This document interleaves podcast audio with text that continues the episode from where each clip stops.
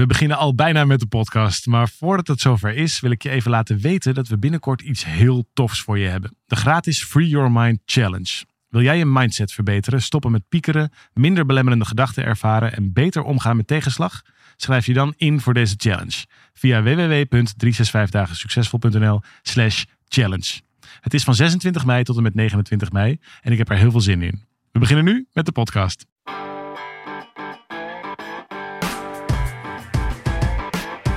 Van harte welkom bij deze podcast van 365 dagen succesvol. Wij zijn David en Arjan en we delen in deze podcast de eye-openers die cruciaal zijn voor een gelukkiger leven. Waar gaan we het over hebben vandaag? Nou, het, een, ehm, eh, een, een thema wat vaak bij ons om, eh, over tafel gaat. Ehm, en de laatste tijd ook nog wel in, eh, ook in mijn persoonlijk leven, omdat er wat mensen om me heen zijn in mijn hele nabije omgeving die hiermee worstelen, is le de vudde. Liefdesverdriet. Ja, liefdesverdriet. Ah. En liefdesverdriet is natuurlijk, joh, dat kan zo'n zo'n fucking rauwe pijn zijn. Het kan Ja. zo eh, alsof je uit elkaar gescheurd wordt. Het kan allerlei dingen bij je losmaken, volgens mij, die je helemaal niet, helemaal niet van jezelf wist dat dat in je kon zitten. Ja. Over hoe, hoe eenzaam of hoe boos misschien wel soms, of hoe Mhm. eh, eh, gekwetst je jezelf kunt voelen als je eh, liefdesverdriet ervaart. En ik dacht, misschien is het goed om daar wat licht op te werpen. Dus met elkaar te kijken of daar... Nou, misschien kunnen we daar een, een vorm van wat helderheid in krijgen. Of ehm, als je nu op dit moment misschien wel met veel liefdesverdriet zit... ehm, of mensen in je omgeving hebt die dat hebben... hoe zou je daar dan op een fijne manier mee om kunnen gaan? Dus ik dacht, laten we daar eens op inzoomen. Zal ik beginnen met het goede nieuws van liefdesverdriet? Nou, Er zit namelijk een enorme grote kans in liefdesverdriet. Je, eh, wat er eigenlijk aan de hand is, is een gekrenkt ego. Dus je, eh, het, het zelfbeeld... hey, wacht even voordat je dat helemaal gaat Ja. uitleggen. Heb jij, wel eens, heb jij wel eens liefdesverdriet gehad? Ja, heel ernstig liefdesverdriet gehad. Oh ja? een paar keer ook in mijn leven wel. Ja. Wat, wat, wat, wanneer was de laatste keer? Nou, dat zijn wel hele, hele eh, persoonlijke vragen. Maar ik, ik, heb, ik heb, eh, nou nog niet eens zo heel erg lang eh, geleden heb ik daar mee te maken gehad. Ja. En nog een veel langer geleden, waarin ik ook ja, ik ben gescheiden en ehm, afscheid moest nemen van, eh, van mijn toen gezin. Ja. Ja, dat, dat ging me niet in de koude kleren zitten. Maar hoe, heb je nog, kun je nog iets terughalen over hoe dat toen voelde? Of? Nou zeker, ik weet nog dat ik, dat ik daar, eh, goed, dat is, eh, nou, in detail was het de, de oprit die ik wel op kon, maar in mijn huis niet meer in kon. Zo, Ja. ging dat. Ja. Ehm, Je was letterlijk buiten geparkeerd. Ja, eigenlijk. ja en, en Ja. daar ging ik met een matrasje en, en een één tasje ging ik letterlijk weg. En had ik een kamertje gevonden in, eh, in Amsterdam bij eh, mijn zeer geliefde oom. Die zei van nou kom dan maar een tijdje hier. Terwijl Nou, je daar niet alleen je, je vrouw achterliet, maar ook je dochter. ja, precies. Dus dat was een soort van dubbel liefdesverdriet eigenlijk. Nou, pre- precies. Dus dat, eh, dat ja, het verdriet, daarom zijn het zijn wel twee verschillende soorten liefdesverdrieten. nee, dat snap ik ook. Eh, want dat, dat met, met je kind, dat is, een, dat is iets wat, nou, daar heb ik, daar heb ik soms nog steeds wel moeite Ja, mee hoor. daar Dat- gelden dat- nog weer hele andere Er regels. gelden hele andere, Ja, precies. ja. En volgens mij gingen we het hebben over eh, liefdesverdriet. De romantische liefde. De romantische ja, ja, ja, eh, liefde. Ja, nee, zeker. Dus ik herinner me nog dat ik daar als een... ehm, in mijn beeld regende het ook. Ik denk niet dat het echt zo was. Mooi. En was er ook treurige vioolmuziek aan de? Bij, bij, ja, ik denk het. Ja, Zo voelde Celine Dion. Die wat En het was natuurlijk een afschuwelijke rit. Ja. En dus ik ging van Midden-Nederland naar, naar Amsterdam. En ik kom daar aan. En gelukkig was mijn oom daar. En, en die, die nou ja, hielp mij mijn matrasje in die kamer leggen. En ik had letterlijk niks meer. Nee. Dus een matras op de grond met, een, eh, met één tasje en een tandenborstel. En, Ja. en vanuit daar moest ik weer mijn leven opbouwen. Ja. Nou, ik zei al, laat ik beginnen met het goede nieuws. Want dat gekrenkte ego wat ik daar nogal had, het liep heel anders dan... Ik wilde daar helemaal niet weg. Ik wilde daar aan werken. Ik wilde daar stappen wilde in zo. Ja, ik, nou, Ja. ik wilde daar in ieder geval over in gesprek kunnen en kijken Ja. of daar nog iets in zat. Nou. Dat zat er niet in.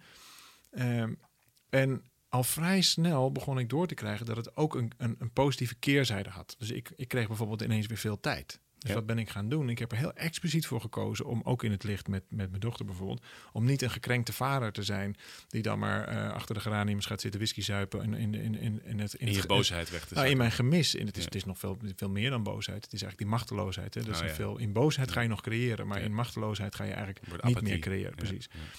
En, en eh, mannen hebben meer de neiging om dan te gaan, ehm, eh, te gaan zuipen. En daar had ik zomaar ingepast. Hm. Dus dat. ehm, dus eh, je kunt je in je verdriet verdrinken, letterlijk. Nou, daar heb ik niet voor gekozen. Ja. Want ik had wel een heel helder moment toen ik daar wegreed. Van oké, wacht even. Ik, ik wil een inspirerend vader zijn. Ondanks dat ik nu geen even tijdelijk. Het was maar heel kort uiteindelijk. Maar in, mijn, in, in je verdriet en in je boosheid of in je machteloosheid lijkt dat dan een eeuwigheid Tuurlijk, te duren. ja. Wil ik een inspirerend vader zijn. Dus wat heb- ben ik gaan doen? Ik ben juist gaan hardlopen. Ik ben weer gaan, gaan sporten. Ik ben opleiding gaan volgen. Ik heb er zelfs uiteindelijk een boek over geschreven. Dus ik ben heel erg in de actie gegaan Ja. om, om daar wat mee vorm te geven. Nou, dat heeft alles bij elkaar zelfs onder andere geleid tot zo'n superrelatieweekend. Omdat ik ook voelde van, hé, hey, wacht even, ik heb nu zoveel dingen hierover geleerd. Het is jammer dat heel veel mensen dit niet weten, want dat Ja. kan zo'n pijn voorkomen. Ja. Nou, mijn punt van het gekrenkte ego, mag ik daar nu naartoe? Of wil je nog meer details hebben Nee, over... maar het is toch fijn om een Ja. beetje iets meer achtergrond te hebben over waar dit zo allemaal... Nee, dit is aan de lijve ondervonden. Ja, exact. Ja, er zat heel veel noodzaak in het ontdekken van de, van de wetmatigheden. Alleen maar vanuit pijn. Ja, exact. Ja, het is wel al heel lang geleden, maar het, het ehm 16 jaar geleden om precies te zijn. En toch is dat, ehm ja, dat werkt, de, met de positieve effecten werken daar nog steeds van door tot op de dag van Praat vandaag. ons bij, want je wilde Nou, eigenlijk iets het- ja, precies, het ehm, gekrenkte ego. gekrenkte ego. Kijk, het, het, het, ego is eigenlijk niks anders dan het, het zelfbeeld wat je, het beeld is wat je over jezelf hebt, wat in één keer niet meer klopt. Ja. En waar ik ook geen toegang meer toe had. Want in mijn beeld hadden we gewoon dat huisje, boompje, beestje gezinnetje. Eh, een- Ja, een mooi huis met een paar katten en een, en een kind. En eh, nou, Ja. misschien nog een hond erbij. Je kent het wel. Dat, dat plaatje, opritje, keurig voor elkaar. Ja.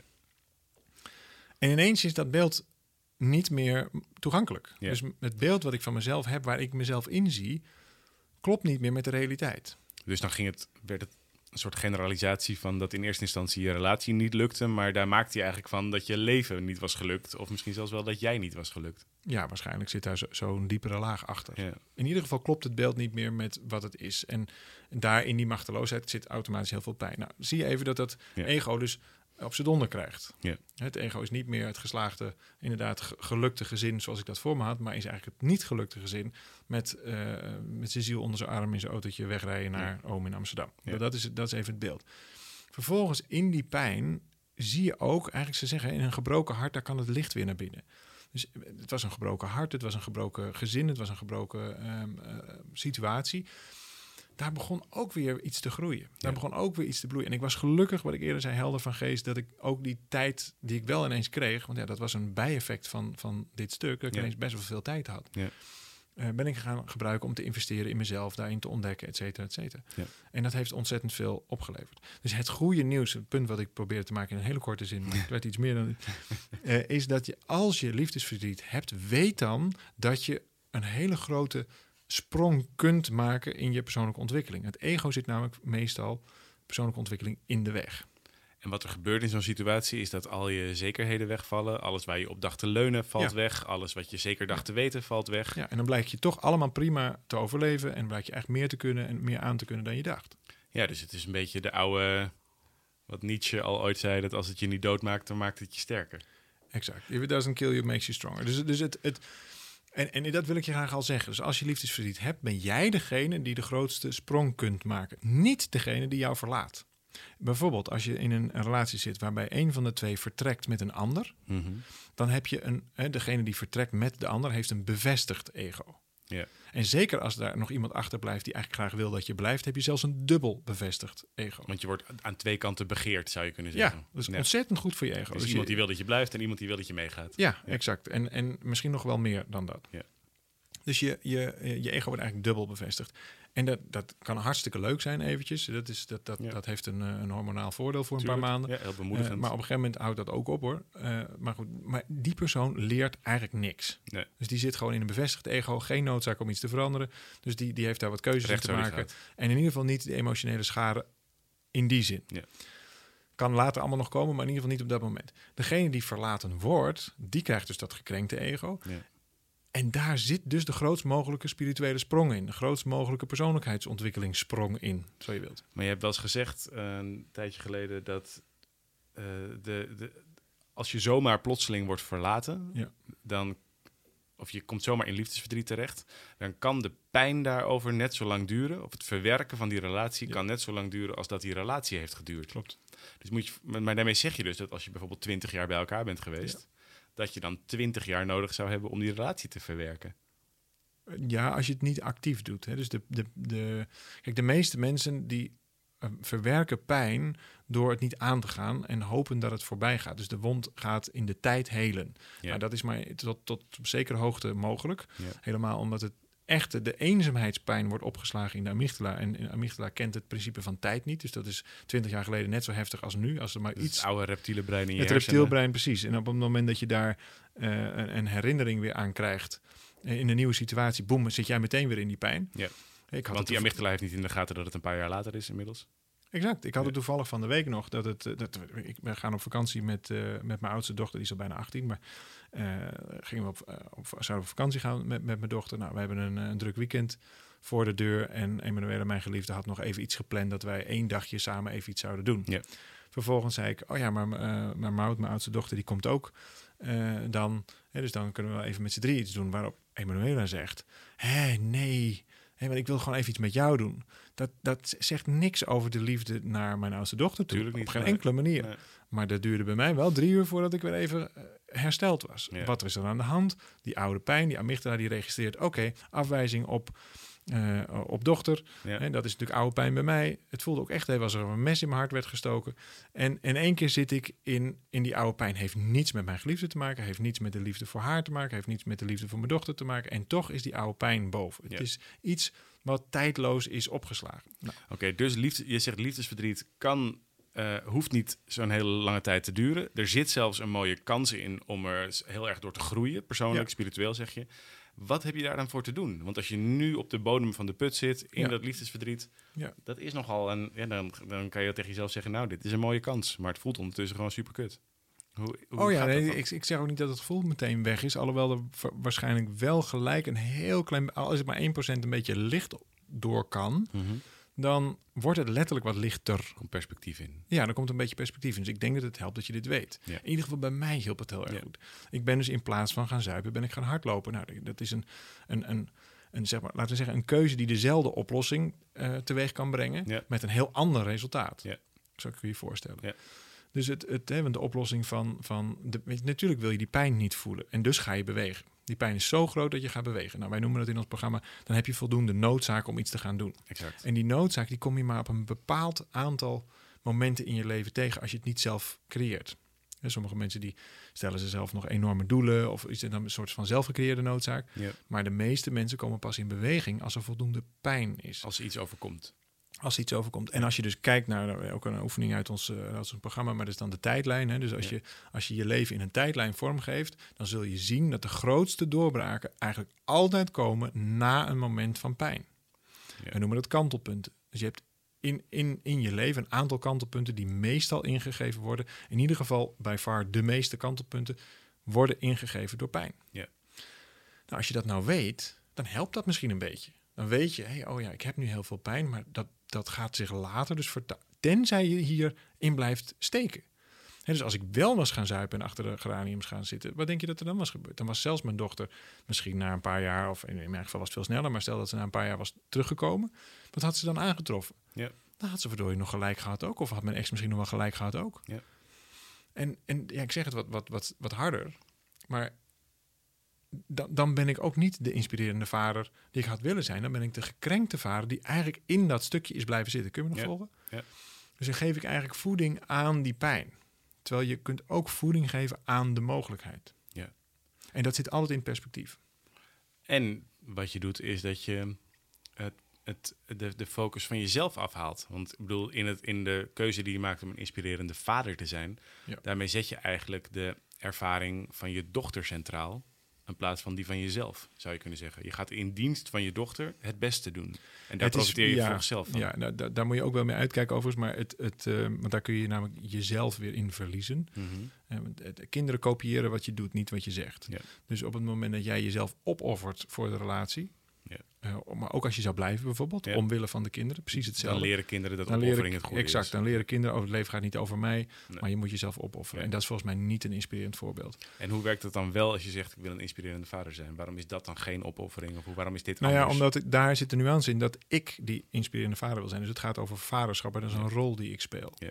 Dat is een, eh, iets waar ik in wilde groeien. Want het klopte wel dat ik ben heel jong vader geworden, dat ik vooral vader deed, Ja. maar niet zozeer vader was. En er wordt altijd een moeder geboren, maar lang niet altijd een vader. En zie hier ook een van de grote struggles in jonge gezinnen.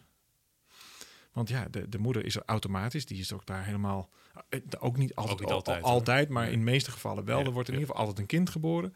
Dan vervolgens wordt er meestal ook een moeder geboren. Dat gaat er vrij rap achteraan. Die hebben die relatie natuurlijk ook al veel meer met elkaar. Die komen letterlijk uit elkaar voort. In de meeste gevallen. En, dan, en soms zijn de mannen meteen ook verliefd en helemaal daarin. En, nou ja, jij bent zo'n voorbeeld. Ik Je- was je- bij me, ja, ik ja, jij was eigenlijk, je wilde eigenlijk helemaal geen kinderen. nee, en, en, en ondertussen was, ik je ook om. Ja, was je om. En, en dan kon je het dus ook heel goed. Nou, ik heb daar dus heel veel tijd voor nodig gehad. Zeker bij de eerste. Ja. En, en ik denk dat daar ook veel, eh, nou ik zou bijna willen zeggen, traumatische ervaringen omheen ontstaan.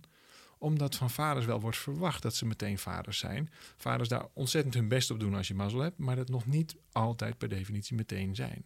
En dan krijg je dingen als, ik heb ze ook naar mijn hoofd gehad, ik dacht dat we het samen zouden doen. Ja. En zo. Ja. Nou, ik heb toen de tijd niet gehad om in die rol te groeien. In ieder geval niet in de gezamenlijkheid. Ik heb er wel voor gekozen om, dat, om die inspirerende vader dan nou ja, maar te ontdekken in mijzelf. En dus is het niet zozeer...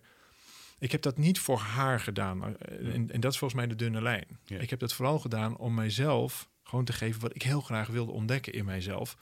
En natuurlijk vanuit liefde voor mijn kind. Ja. Maar niet om mijn kind. Snap je? Ja, het dunne verschil. Ja. Oké. En dan, want dan, om dat nog even terug te brengen naar, je zit nu op, het op de bodem van die put, met je liefdesverdriet. Wat heb je daar dan nu te doen? Het hangt er een beetje van af of je man of vrouw bent. Er is een, een, een, eh, een interessant onderscheid hoe mannen omgaan met hun liefdesverdriet en hoe vrouwen omgaan met hun liefdesverdriet. Ook allemaal zeer gegeneraliseerd, dus kijk maar of je in het plaatje past. Mannen hebben over het algemeen de neiging om hun liefdesverdriet binnen een, een eh, nee, eh, na een maand of drie pas echt te gaan voelen. Mhm. Dus die gaan in eerste instantie doen aan demping. Dus dat kan zijn enorm gaan daten, eh, drinken, met vrienden op pad gaan, meer hun vrijheid te voelen. En dan na een maand of drie komen ze achter dat dat, dat, dat eigenlijk niet werkt. Dat Mhm. dat structuurtje niet werkt. En, en ze zouden zelfs wel eens met hangende pootjes terug kunnen komen, maar dat is weer wat anders. Eh, bij een vrouw is dat precies andersom. Dus die gaat de eerste drie maanden door een soort hel. Die gaat dat heel erg op zichzelf betrekken. Die gaat Ja. dan, dan eh, zich daarin terugtrekken, bij vriendinnen steun zoeken. Eh, maar dan heel erg daar juist wel in willen. En dan na drie maanden eigenlijk best wel sterk uitkomen. En dan op een gegeven moment ook beseffen, oh, dit kan ik eigenlijk prima zelf. Ja. En zie dan dus ook dat je na drie maanden twee mensen tegenover elkaar kunt zien... die in een totaal andere Omgekeerde situaties. omgekeerde situaties zitten. Maar drie maanden klinkt alweer heel anders dan die duur van die relatie waar we het net over hadden. Eens. Nee, als je het. eh, eh, ik heb wel eens gezegd, een relatie verwerken duurt net zo lang als dat die geduurd heeft. Maar op het moment dat je dat bewust doet, dus als je daar maar ja, met je volle verstand zeg maar, bij bent, dan kan dat veel sneller gaan. Maar ondertussen, kijk, de verwerking van de ene relatie kan ook rustig doorgaan terwijl je al wel weer met een ander bent. Ja. Als je jezelf daar maar bewust van bent. Het is een beetje onvermijdelijk, maar het is wel echt zo dat lange relaties een enorm spoor trekken. Ook nog in toekomstige relaties. Tuurlijk, het is Heel een veel- rouwproces natuurlijk. Wat je, Nou ja, dat, maar ook dingen dat je gewoon dingen probeert te voorkomen. Ja. Dan moet je maar eens voorstellen dat jij, eh, je hebt een relatie gehad met Piet. Ja. En die relatie is niet gelukt. Nee. En dan vervolgens heb je gewoon een relatie met Hans daarna. Ja. En dan komt Piet toch af en toe nog eens even voorbij in allerlei vormen. Want bijvoorbeeld Piet deed een paar dingen die je echt niet wilde. En die ben je bij Hans al aan het scannen. Van, oh ja, maar dat moet Hans eigenlijk ook niet doen. Of Ja. als hij er maar een beetje op begint te lijken. Komt Piet eigenlijk ook alweer terug in die relatie. Zonder dat Piet nog maar eh, echt daar is. Ja, dat is die amygdala met zijn... eh, Bijvoorbeeld, eh, en nog wel een paar andere dingen ook. Maar Ja, ja, dus er zitten een aantal patronen die je eigenlijk onbe- onbedoeld meeneemt weer in die andere relatie. Dus Piet gaat, gaat echt dwalen door al die andere vervolgende volgende relaties heen. En Hans, dat wordt natuurlijk ook niks, dat heb je nu begrepen. Hè, dus ja, Hans kon namelijk helemaal niet, niet, niet dat waarmaken wat, je, wat, je, wat, wat, wat, wat hij eigenlijk moest compenseren voor Piet. Ja. En dan gaat Hans ook weer een stukje mee de volgende relatie zien. En zo bouw je eigenlijk een dat, soort eh, een soort eh, puinhoop bouw je dan. ja, nou, het maakt het in ieder geval steeds moeilijker. Elke volgende relatie wordt eigenlijk steeds moeilijker. Totdat je dit op een gegeven moment doorkrijgt. Nou, Ja. goed, en dan kun je daar dingen mee doen. Nou, we doen tijdens het superrelatieweekend doen we altijd één best wel krachtige oefening over. Die gaat over hoe je de plek We naast doen je. een heleboel krachtige oefeningen. Ja, dat klopt. Nee, dat is een weekend ramvol mooie oefeningen. Maar Ja. dit is er eentje die specifiek over dit thema gaat. Dat je de, de plek naast je vrijmaakt. Ja, veel mensen hebben niet in de gaten dat er dus Hansen en Pieten en Allemaal En zo. naast ze staan. ja, dat die eigenlijk nog een stukje van die plek bezet houden. Of in ieder geval een soort malletje vormen waar iedereen steeds maar door moet. En zonder nou die hele oefening nu weg te geven, want dat is echt iets wat je wil meemaken. Dus als je daarbij wil zijn, dan zou je, moet je vooral bij de superrelatie Nou, dat zou ook gewoon niet kunnen in een paar minuten podcast. Nee, maar zou er wel, zit daar nu één ding in waarvan je denkt, oh, dat, zouden, dat zouden we nu, als je dit toch aan het luisteren bent en je herkent het, dat je eigenlijk nog heel veel bezig bent in die vorige relatie, of dat je dat nog met je meesleept op een bepaalde manier. Of het nou liefdesverdriet is, of eh, misschien nog een oud verlangen, of gewoon nog het voorkomen van oude pijn. Hoe kun je nou zorgen dat die plek naast je... Nou, er in is een, ieder geval eh, een beginnetje mee Dus te een, nou, er is een vrij radicale eh, eh, overdenking in ieder geval. Kijk maar eens of het voor je klopt. Maar ik denk dat het voor de meeste mensen eigenlijk klopt. Wie is de eerste grote liefde in je leven? Of wie is de eerste grote uitblijvende liefde in je leven? Kan ook nog. Meestal zijn dat je vader of je moeder. Exactly. Dus wij hebben heel vaak relaties zonder dat we dat doorhebben om allerlei dieper liggende redenen. Meestal om iets te herstellen Ja. wat we niet hebben gekregen in onze jeugd. Met andere woorden, als je een, een Relatie afwezige... als heling. Bedoel Ja, een relatie is zou, ja, op onbewust niveau her... kijk, je, je- in, je, in je vroege jeugd kon je daar eigenlijk niet uit. Je kon niet uit dat systeem. Dus je was een soort van gevangen in dat systeem, want Ja. dat was onderdeel van je overleving. Ja. Dus je zou kunnen zeggen, je, je hebt eh, onder een soort van hypnose van dat systeem geleefd. Dat is helemaal niet per se een kwade opzet hoor, maar dat is onvermijdelijk. Vervolgens is de tweede mogelijkheid dat je daar zelf een beetje invloed op krijgt, is in je liefdesrelatie. Want dan ineens heb je invloed op die relatie. Dus wat veel mensen doen, is eigenlijk onbewust patronen uit het verleden nog een keer herhalen, zodat ze in, in de hoop dat je daar invloed op hebt. Nou, daar kom je vaak heel bedrogen uit, want dat doe je namelijk allemaal onbewust. En dan vervolgens heb je dus wel dezelfde pijn, wel dezelfde soort struggle. hey, dit herken ik. Of precies het tegenovergestelde ervan. Dat kan ook. Hè? Dus Ja. dat je een heel liefdevol gezin hebt. Nou, dan weet je allemaal hoe dat is. En vervolgens lukt het jou voor, op geen enkele manier om die relatie goed te houden. Hoe kan dat nou? Hoe kan dat nou? Nou ja, omdat je zo'n hoge lat hebt gelegd voor die man-vrouw relatie die jij, die jij hebt. Dat je er zelf nooit aan kunt voldoen. Ja. Et cetera, et cetera.